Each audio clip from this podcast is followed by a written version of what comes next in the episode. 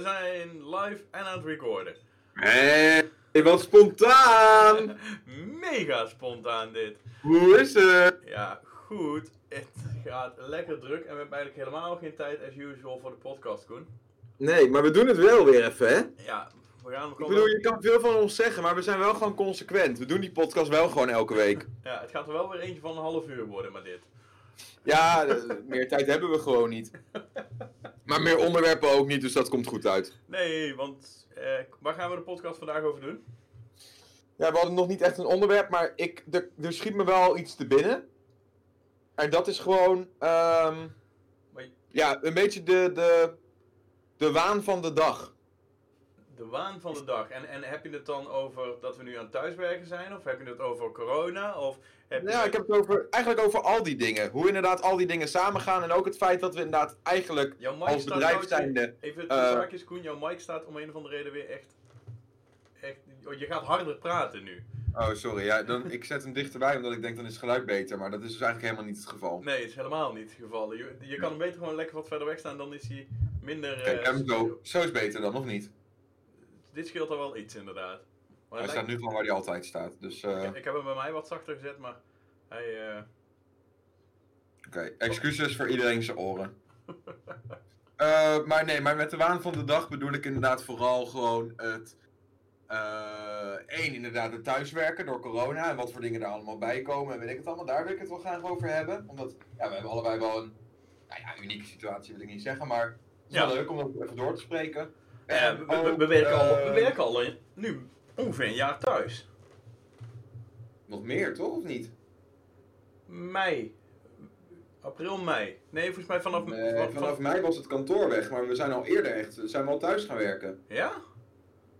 Ja. Oh, wow. Oh, we werken gewoon al meer dan een jaar thuis. En het bevalt. Eh, Ik, je hoort, ik hoor heel veel, en eerlijk eerlijk niks rechts komen, dus oftewel de muren van mijn thuiskantoor op me af. Ja. Maar tegelijkertijd heb ik ook zoiets van, ja, ik zit wel lekker in mijn vel en ik, het thuiskantoor heeft een hoop voordelen die we eh, met het fysieke kantoor niet hadden. Nee. Ja, voordelen zijn inderdaad ehm, reistijd. Eh, ja, verdwijnen van. De reistijd van eh, mijn slaapkamer naar hier is echt minimaal. Ehm, dat scheelt gewoon echt heel erg veel. Ja. Daarin merk ik ook wel dat eh, het ochtendritueel wat je moet hebben als je echt ergens naartoe gaat. Dus eh, ja, gewoon alles wat daarbij hoort. 's ochtends wakker worden, even wat ontbijten, douchen, de auto instappen, ergens naartoe rijden. ja. Dat dat wel. Weet niet, dat geeft ook weer inzichten en bepaalde creativiteit. En eh, het is een rustmomentje, zeg maar. ja, ja, precies. Dat, vooral dat. Voor, voor, voor mijn gevoel is het nu wel dat ehm, ik heb minder rustmomentjes. Eh, eh, eh, ik, hou van fietsen. En het feit dat ik gewoon iedere dag half uurtje heen, half uurtje terug aan het fietsen was naar kantoor. Ja. Eerlijk, ik vond dat best lekker. En Nou, nu ik is... vond het ook heel leuk om. Voor de corona luisterde ik nog best wel veel podcasts. sowieso ben ik een muziekliefhebber, luister ik best Ja. wel veel muziek. Maar alles is daarin echt ja, op een laag pitje gekomen. Nou, daarentegen heb ik wel weer bijvoorbeeld meer tijd om te gamen nu.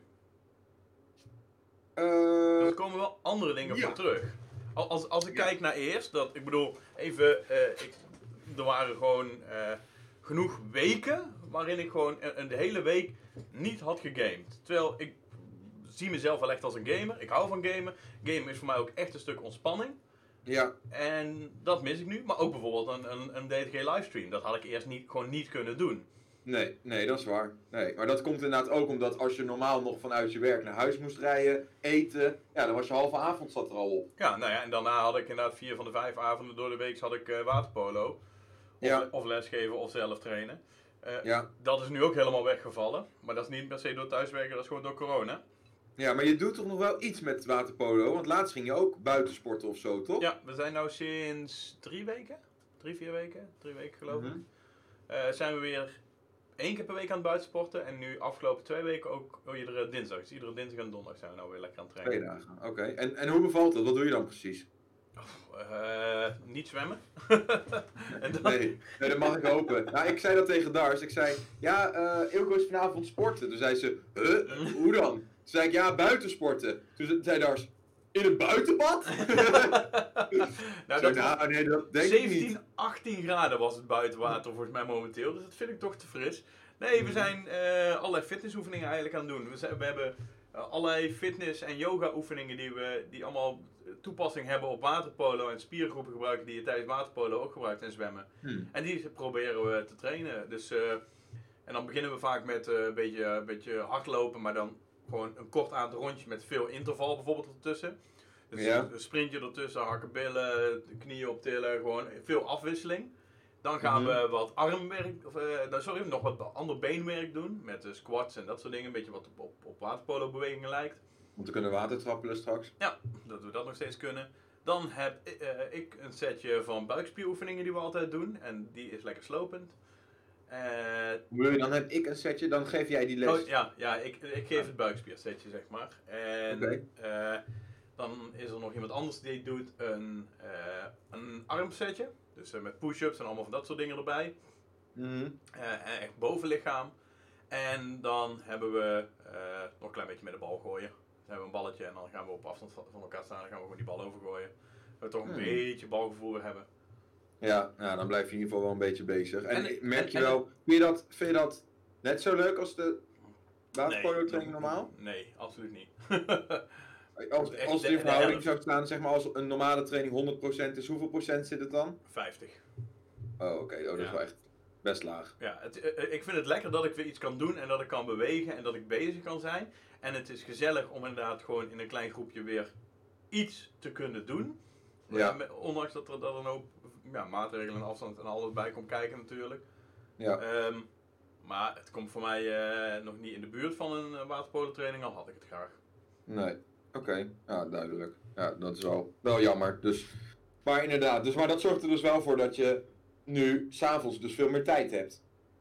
Ja, nou ja, en die tijd vul ik dan dus inderdaad bijvoorbeeld in met, eh, of inderdaad iets meer gamen, wat ik wel lekker vind dat ik daar nou wat meer kan doen. Of Ja. inderdaad met eh, livestreams, maar ook, ook bij een DTG. Dat bijvoorbeeld het hele bouwen van de webshop, eh, het eh, beheer van de Discord server, al die community activiteiten zeg maar, dat zijn dingen die ik vaak niet in mijn DTG-uren overdag doe, maar die ik vaak in avonduren doe. Ja. ja, op zich ook wel logisch, want dat zijn dingen die niet, meestal niet per se direct geld opleveren natuurlijk. Nee, nee ik probeer zeg maar de, de overdaguren probeer ik, die ik, die ik ervoor heb, probeer ik te reserveren voor eh, begeleiding van stagiaires, eh, zorgen dat we de creator aanmeldingen verwerken, up- updaten van eh, belangrijke updates op de website, social media, marketing, maar ook Ja. momenteel langzaam zeker weer wat organisatorische werkzaamheden. Ja, ja, logisch. Als- ja, als- als hoe denk je daarover? Als je nu kijkt inderdaad naar de DTG, 17 juli. Wat is jouw gevoel? Mijn gevoel zegt nog steeds dat er een, een, een, een, een kans is dat het gewoon niet door kan gaan. Van de andere Ja. kant, als we eh, naar de huidige maatregelen van de overheid kijken, dan lijkt het erop dat we gewoon door kunnen gaan. Alleen is dan de vraag, wordt het een normale editie of wordt het een anderhalve meter editie? Dus we zijn gewoon eigenlijk drie plannen aan het maken en drie dingen aan het voorbereiden. En dat is een anderhalve Ja. meter editie, een normale editie en een, eh, en een verplaatste editie. Nou ja, en die zijn in verschillende maten van voorbereiding. Eh, ja. Dat we bijvoorbeeld al wel voor 2022 een datum in potlood staan. Eh, maar ook inderdaad in het najaar, als het, eh, als, ja, als het een optie zou zijn. We En hebben dan zou een normale editie zou waarschijnlijk dan ook moeten zijn waar iedereen getest wordt van tevoren. een normale editie, is inderdaad, dat, dat zou in principe inhouden dat iedereen van tevoren getest moet worden bij de ingang, of voor de ingang eigenlijk. Ja, want dat is, dat is eigenlijk. Dat, dat is eigenlijk niet weg te denken, toch? Eh, als we het 17 juli willen doen, niet, nee. Nee. Dan, dan is een, een test bijna, ja, bij- bijna wel verplicht. Ja.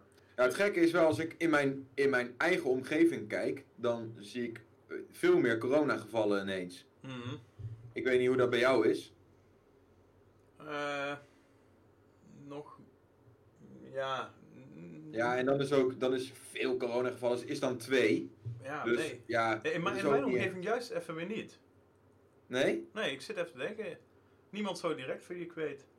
Nee. Ja, ja bij mij inderdaad, eh, eh, mijn stiefvader dan heeft corona. Nou ja, dat lijkt allemaal wel weer beter te gaan. Die zit nu op dag drie of zo. En die, eh, ja, kan al wel weer gewoon normaal buiten wandelen, eh, een stukje, noem maar op. Ehm, en, eh, en dan eh, eh, eh, Bas, de vriend van, van Erik, een, dus Oh een ja, andere oh ja. een vriend van ons. Ja, en het, het klotere is dus dat wij hebben afgelopen weekend allebei Erik nog wel gezien. Ja. En hij heeft zelf niks of nog niks. Dus op zich, ja, niet echt iets om ons heel erg zorgen over te maken. Maar dat is wel een dingetje. Nee, en het is ook dat Bas is zondag, want hij had, zondag heeft hij een sneltest gedaan. En Mhm. toen was hij negatief. En we- dat was natuurlijk nadat wij Erik hebben gezien.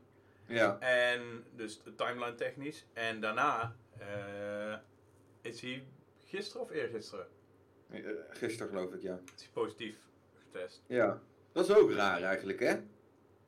Hoezo? Hij was al ziek. Hij, hij heeft de hele tijd heeft hij dezelfde ziektesymptomen, zeg maar, gehad. Het zou dat kunnen zijn, want je hebt natuurlijk vijf dagen wachttijd, moet je eigenlijk Ja, hebben, zeg maar. incubatietijd. Incubatietijd of zo. Voordat het zichtbaar is. Ja, ja, daar zou het wel iets te maken mee kunnen hebben, En, inderdaad. en, maar is dan ook na vijf dagen pas besmettelijk? Nee, het is al eerder besmettelijk.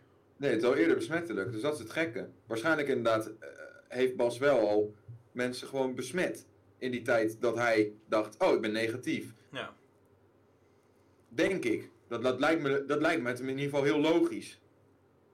Ja. Dus ja, dat, test, dat testen, dat, dat blijf ik apart vinden. Dat, Ja. Ik weet niet zo goed wat ik daar... eh, Nou ja, en dan zit je met die sneltest natuurlijk. In hoeverre zijn die hond... Nou, die zijn no geen enkele test 100% betrouwbaar. Maar in Nee, hoeverre precies. is, is, is zo'n sneltest wel meer of minder betrouwbaar dan bijvoorbeeld zo'n uitgebreide test van de GGD? Nou ja, weet je wat het is? Kijk, zo'n GGD-medewerker, die, tenminste daar kan je van uitgaan, weet in ieder geval hoe je zo'n test af moet nemen. Ja. Ehm, en als jij zelf eh, met zo'n staafje in je mond gaat roeren, kan er, ja, kan er wat dingen misgaan. ja ik, je, ik weet niet of het heel veel uitmaakt of je inderdaad hier aan je wang, of inderdaad achter op je tong, of wat je precies pakt. En wat dat dan zegt over je resultaat, dat, daar heb ik gewoon niet genoeg eh, kennis van. Maar, Ik neem aan dat die instructies erbij zitten. nou ja, natuurlijk, die zullen er wel bij zitten, maar het zou, ja, het kan best dat je dat misschien niet goed doet. Snap je? Ik weet niet hoe nou het komt. Nee, oké, op die manier. En dat je daardoor dus een, een verkeerd beeld krijgt van wat je... eh, Ja, of misschien steek je dat staafje daarna niet goed in dat, in dat kokertje, waardoor je inderdaad, eh, weet ik veel, eh, dat hij inderdaad aangeeft dat, hij, dat je niet negatief of dat je niet positief bent. Terwijl eh, hij heeft gewoon misschien wel niet goed kunnen testen. Weet ik veel, hè? Ik, ja. ik weet het niet, maar Ja, ik vind het sowieso lastig, omdat het is zo'n ingewikkeld onderwerp. Dat ook als, als je er andere mensen over voor praten, dat ik merk dat ik dan uit gewoontes, me- mensen die het voor mijn gevoel onderschatten, wil zeggen, ah, ja. de- de- denk na en, en neem het niet zo licht. Eh, tegelijkertijd eh, weet ik er niet genoeg van om te weten of die mensen wel of niet gelijk hebben. ja, gelijk hebben inderdaad. Ja, nee, dat, ik, dat vind ik ook heel lastig. Want inderdaad, je hebt natuurlijk gewoon de corona-ontkenners en de, de wappies, tussen Ja. haakjes. En eh, ja, mensen die inderdaad gewoon eh kosten wat het kost proberen te beweren dat, dat, dat de overheid ons probeert in het ootje te nemen. Je had in Amerika had je een dame. Dat was echt een, Ja. een extreem geval. Eh, kwam ik op Reddit kwam ik dat tegen. Had ze op een gegeven moment de vraag van wat zijn de gekste gevallen geweest die als, eh, als, mede, als, als, als, als dokter hebt meegemaakt. En dat was een, geen dokter, maar het was een ziekenhuismedewerker op de IC-afdeling van een ziekenhuis in Amerika. Die Ja, hadden een vrouw met corona hadden die op de afdeling gehad. Dus nou, die, die is echt er bijna aan onderdoor gegaan. Mhm. En die hebben ze met, met pijn en moeite hebben ze die dus inderdaad weer er enigszins bovenop weten te krijgen. Ehm, en die vrouw die ligt zeg maar uiteindelijk weer op de eh, semi-normale afdeling. En Ja. die kan weer een klein beetje normaal doen. Nou ja, dat was in ieder geval de bedoeling. Eh, begint ze de eh, zusters en dokters eh, onder te kuchen en te spugen en te doen. Want corona is onzin en ze... Huh? Ja! wow! Maar ze had het net gehad. Ze had het net echt zwaar gehad en was aan het bijkomen, was aan het herstellen. Huh? Wow! Oké, dat is echt raar. Ja. Dus, Ja, nee, ja, ik, ik eh, eh, twijfel er niet over dat er een virus is en dat corona bestaat. Nee, Daar, precies. eh, dat, dat, dat is voor mij, staat dat, eh, ja, dat staat buiten kijf. Daar, Ja. daar geloof ik 100% zeker van hoe of wat. ja, Eh, Maar inderdaad, hoe we het hele probleem aan moeten vliegen en hoe we het op moeten lossen. En ja, aan de ene kant, ik heb geen idee. nou ja, ik denk dat daar, dat daar ook het lastige ligt. Ook voor bijvoorbeeld de overheid. Dit, eh, en dat is ook, als je naar de huidige overheidsmaatregelen gaat kijken, dan weten die het ook niet. Want Nee. dit is de eerste keer dat er zoiets gebeurt. En dat is wel wat ze voor mijn idee kwalijk wordt genomen. Dat er, en ik, ik moet zeggen, ik zou zelf ook, ik zou voor, evenementen heel graag meer duidelijkheid willen. Eh, Ja. Op een langere termijn dan alleen 1 juli. Eh, en eh, wat voor duidelijkheid dat is, dat kan twee kanten op. Maar in ieder geval meer duidelijkheid. Maar ja, Ja. dat kunnen ze niet geven. En dat is, dat is misschien ook wel het lastige. Maar het ze- probleem is dat ze hebben dat natuurlijk wel geprobeerd om meer duidelijkheid te geven. Maar elke keer als ze eh, zeggen van oké, vanaf dat moment verwachten we dat er meer kan. Ja, eh, ja, dan zien ze dat de cijfers dat eigenlijk gewoon niet toelaten. En dat ze weer terug moeten komen op dat besluit wat ze gemaakt hebben. ja, En zij moeten een soort balansact eh, hebben tussen aan de ene kant het volk tevreden houden ja, en, en eh, eh, ehm, eh, uitzicht geven. En aan de andere kant ja, het veilig houden. Nou ja, en tegelijkertijd, het lastige is dat zeg maar. ehm, die, die twee bijten elkaar, omdat als jij te zware maatregelen neemt voor hetgene wat er nodig is. En je, terwijl je dus niet weet welke maatregelen welke effecten precies gaan hebben. Want dat kan je alleen doen door ze in te voeren. Wat voor, Ja. wat voor gevolg heeft een avondklok? Nou, we verwachten dat daardoor de, de cijfers omlaag gaan, et cetera. Maar ja, dat weet je pas als je hem invoert. Terwijl als Ja. je dan zegt, we voeren de avondklok in tot en met augustus of tot en met december 2022. Ja. Dan gaan er weer een hoop mensen op zijn kop staan omdat ze zeggen, ja, eh, dankjewel voor de duidelijkheid, maar eh, misschien dat tegen te die tijd helemaal niet meer nodig is. Nee. En Nou ja, dat zou. Want dat is wel wat wij vaak zelf ook zeggen. Je kan beter. ehm, je kan beter iets beloven. Of, of je kan beter zekerheid geven wat een beetje negatief Ja. is. En dan daarna met iets positiefs komen. Dan keer op keer. je positieve een beloften niet na kunnen komen. Plakken, zeg maar. Ja, Ik, ik probeer even een goed voorbeeld te bedenken, want het is misschien niet helemaal duidelijk wat ik daarmee bedoel. Ehm, maar je kan beter zeggen. Ja, oh, ik heb een goed voorbeeld. Je kan beter zeggen tegen je stagiaires: we werken elke dag van 9 tot 5. En dan kunnen we ze misschien een keer een half uurtje eerder vrij laten zijn. ja, Dan dat we zeggen: we werken elke dag van 9 tot half 5. En dan daarna gaan we elke dag tot 5 uur werken. ja, ja, precies. Dan zegt iedereen: ja, hey, hallo, je zei half 5. ja, Terwijl als je zegt, eh, jongens, we zouden eigenlijk tot vijf uur werken, maar het wordt half vijf, zeggen ze, wow, chill, oké. ja. Ja, Snap je? precies. Dus, en, en voor mijn gevoel doet de overheid dat stukje wel een beetje Verkeerd. verkeerd. Nou ja, dus ze- ze maken iedere keer beloftes waar ze op terug moeten komen. En, maar het lastige is dat ze worden wel door, de, door het volk gedwongen om die, om die, die beloftes te maken. Want we, wij willen, Ja. wat, ik, wat ik zelf ook zeg, je wil duidelijkheid hebben. Perspectief, ja. Je, je wil perspectief hebben. Want als ze nou zeggen, nou weet je, er is een avondklok en ooit gaat die weer verdwijnen. Ja, ja dan is het oorlog. Ja, dan gaan echt mensen in, eh, in, in- op hun achterste poten staan, inderdaad. Want dat is natuurlijk het argument wat je nu ook heel veel hoort. Van, eh, er, mag bijvoorbeeld, er mag geen testmaatschappij ontstaan. Ja, Ja, eh, oké, waarom? Hoezo? Eh, in, in, in, in eerste opzicht zou ik ook nee zeggen. Eh, Ja. Van de andere kant, er is ook een gordel in je automaatschappij ontstaan. ja, ja, ja, ik bedoel, ja. ja, En er is ook een, als je naar buiten gaat, doe je kleren aan, maatschappij. dus, dus eh, voor mij is, is de context en alles wat, er, wat erbij komt kijken wel heel erg belangrijk. En wordt het Ja. soms zo platgeslagen met, met dat soort Kijk, weet je, eh, ik zou het niet chill vinden als ik straks voor elk evenement of wat dan ook waar ik naartoe wil, een, eerst een test moet doen. Nee, precies, voor je dat dagje uit. Dus dat, eh, ik bedoel, daar is waarschijnlijk iedereen het wel mee eens. Nee, maar, Maar ik, ik- maar ik heb Ik heb ook dat geen dat... zin om naar een evenement te gaan en vervolgens eh, fucking ziek te worden. Ik wil zeggen, naar een evenement te gaan en daarna dood te gaan. Nou, Ja, dan doe inderdaad, die ja. test maar. Ja, doe, doe dan maar die test. ja, en ik bedoel, we, daar hebben we het eerder al een keer over gehad in de podcast. Eh, ja, zo'n wattenstaafje. eh, Ja. Weet je, er zullen zeker wel mensen zijn die dat heel erg vinden. Maar ik ben van mening dat het best meevalt. Ja. Uit mijn eigen ervaring vond ik het echt Ja. wel meevallen. En kan ik me wel voorstellen dat het in je hoofd heel erg Nou, en er En- zullen wel mensen zijn die er wel echt last van hebben. Ik heb ook wel mensen gehoord Het is inderdaad of dat ze steken en eh, dat je een bloedneus krijgt en erg en noem maar op. Ja, dat, dat, dat soort dingen zou kunnen. Ik heb zelfs iemand gehoord waarbij dat een badstaafje vast bleef zitten in de neus en die moest operatief verwijderd worden. Ik weet ook niet hoe dat in godsnaam gebeurd is. En ik ben met dat soort dingen altijd benieuwd van, is het echt waar? Of is het gewoon Een Zo- verhaal. met zo'n van horen zeggen verhaal om, om, om inderdaad het, het kijk eens hoe eng het is aan te sterken, terwijl het eigenlijk dus gewoon bullshit is. Geen idee. Ik zat gisteren toevallig nog eh, een eh, video te kijken. was wel een hele interessante. eh, voor de mensen die hem ook willen kijken op het kanaal Vinyl Rewind. Even, ik, misschien dat ik wel, Ja. we zijn al 20 minuten verder, maar voor de laatste 10 minuten dan trouwens een interessant onderwerp heb.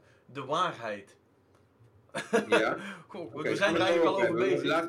Laat, me heel even vertellen over de Ja. Vinyl Rewind. ja. Dat, komt- dat zit, past daar ook een beetje bij. Ik heb namelijk een video zitten kijken, het is een soort mini-docu over ehm, Elvis. En of hij nog leeft, ja of nee. Mm. En- Eh, zeg maar alle complottheorieën en alles wat daarbij komt kijken. Oh, En ook alle, re- eh, alle, alle mogelijke redenen die erop zouden wijzen dat hij nog leeft, dat mensen die al aanpakken. En hij eh, geeft daar context bij en eh debunkt eh, die dingen ook. En eh, dan zegt hij van ja, hier was Elvis zogenaamd gezien. En dat hij dan ook zegt, maar dat bleek later deze persoon te zijn. En dan zie je een foto en dan denk je, oké, ja, met heel slechte belichting en inderdaad een slechte camera. En inderdaad met zijn haar een beetje anders. Zou het op Elvis kunnen lijken, maar ja, overduidelijk is het hem niet, zeg maar. Nee. En, en natuurlijk zijn er altijd mensen die zeggen, en dat, daar komt jouw stukje waarheid bij kijken, die zeggen, ja, eh, kan je wel zeggen dat het hem niet is, maar het is hem wel. Ja, oké, ja goed. Eh, dan zijn we heel snel uitgepraat, want dan kan ik met argumenten komen en dan kan ik de waarheid verkondigen. Maar ja, als jij die niet gelooft, dan wordt het een heel kort gesprek. Ja.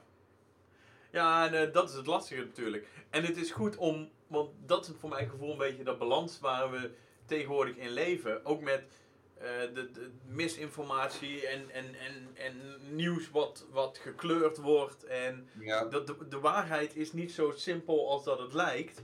En Nee. ook het wat waarheid is, is soms. eh, er zijn soms meerdere waarheden. Eh, ja. en het grappige is dat je tegenwoordig bijna bij alle informatie je moet gaan afvragen: eh, klopt dit? ja, Eh, en ik merk ook bij mezelf dat ik een bijna een soort van ingebouwde check heb als iemand iets roept van ja, maar in hoeverre klopt dit? ja, Eh, en dat ik, dat ik gewoon heel sceptisch aan het worden ben daarin. Ik vind dat ja. eigenlijk heel jammer en heel vervelend. Ik vind dat ook jammer. En zelfs bij nieuwsberichten, bij, bij eh, websites of Ja. kranten of weet ik het wat, waar je, die je zeg maar als een autoriteit ziet en die je zou in principe zou moeten kunnen geloven. Ja. eh, ja, blijkt dat er inderdaad ook vaak dingen gezegd worden die niet kloppen. Nee, nee precies. En dat, en dat vind ik dus wel lastig. Terwijl er dan van de andere kant, voor mijn gevoel, ook wel heel veel mensen zijn die dus zo blind dingen geloven. Dat ik Ja, die nemen alles aan voor zoete koek. ja, die nemen alles aan voor zoete koek. Maar die ook dan dus inderdaad wat je zegt, niet voor tegenargumenten openstaan. En, terwijl, Nee.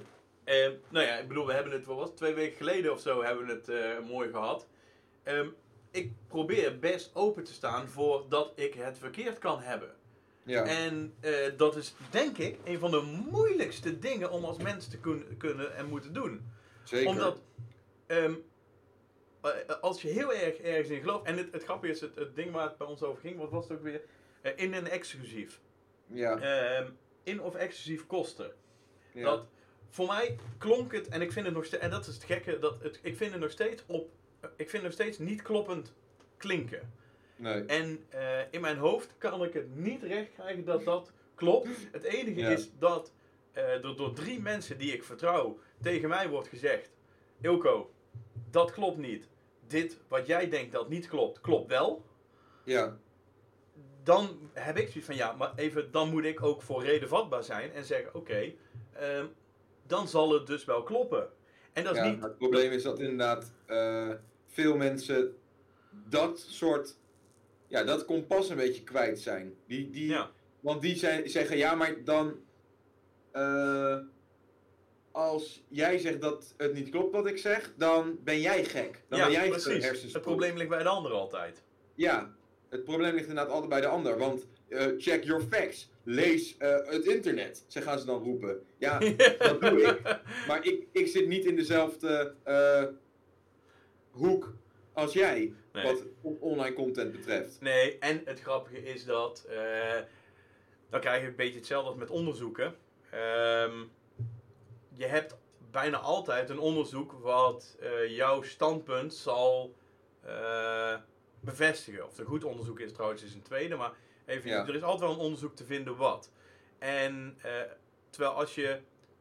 je- hebt bij, bij onderzoeken doen, bij, bij, bij, en ik vond het zo interessant, heb je een soort van meta-onderzoek. Waarin ze eh, in een onderzoek onderzoeken gaan vergelijken. En dan gaan Ja. ze kijken van oké, weet je. eh, en dat is ook waarom eh, ook in, in de wetenschap dingen vaak moeten worden bewezen. Dus het is leuk dat jij een bewijs hebt, maar dan moet een bewijs van jouw bewijs zijn. Het moet reproduceerbaar zijn. Waardoor Ja. je dus op een gegeven moment ziet van oké, dit resultaat.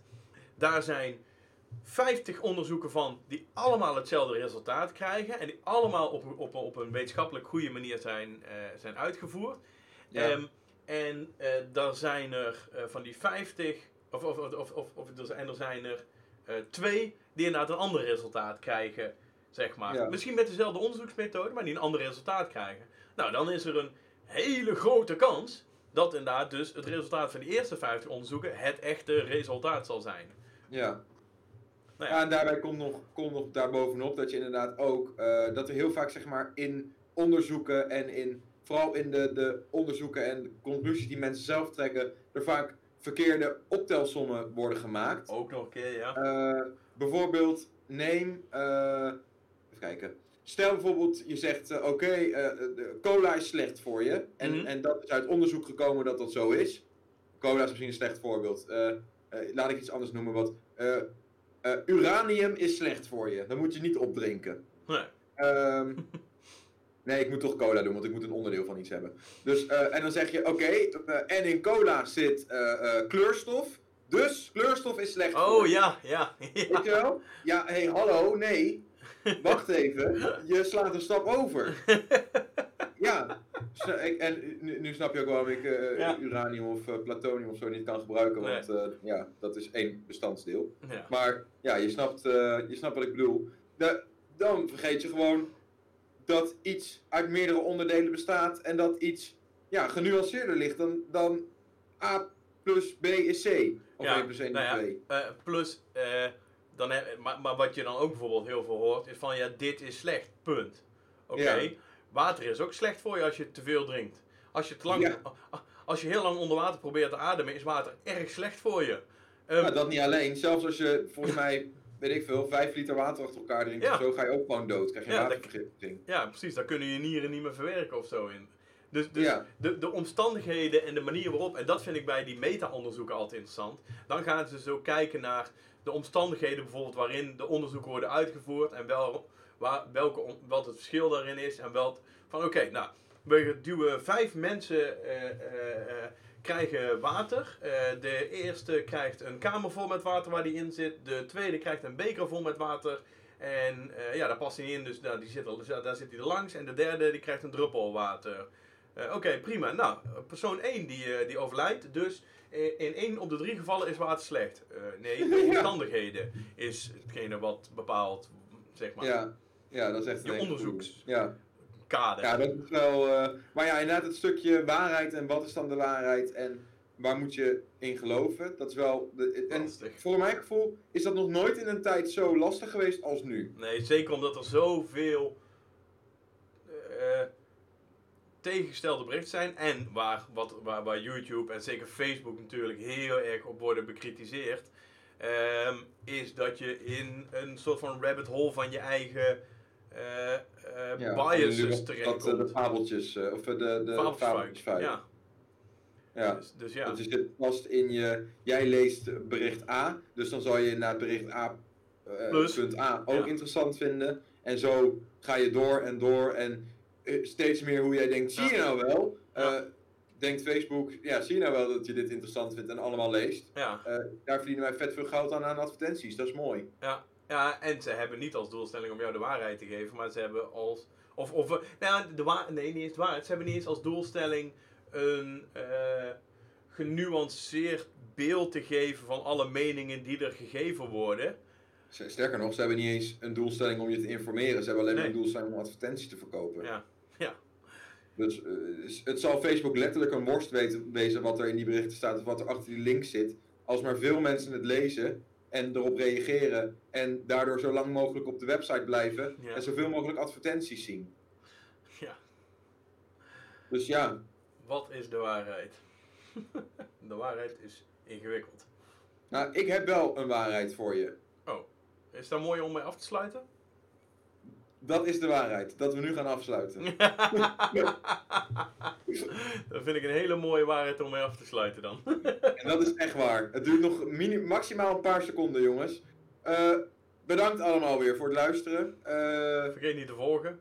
nou, vergeet niet te volgen. Mocht je nog mooie onderwerpen hebben waar, die we de volgende keer moeten bespreken, laat die ons dan zeker weten. Je kan ons een berichtje sturen op alle social media platformen. Ik ben Koen Dulfer en dat is Ilko Vlogging. Tenminste, zo heet hij overal online. Ehm, en eh, dan zien we elkaar eh, volgende week en horen we elkaar volgende week. Of horen jullie ons eigenlijk volgende week weer. Wil jij nog Doei. iets toevoegen, Ilko? Nee, alleen doei. Doei! Doei, doei.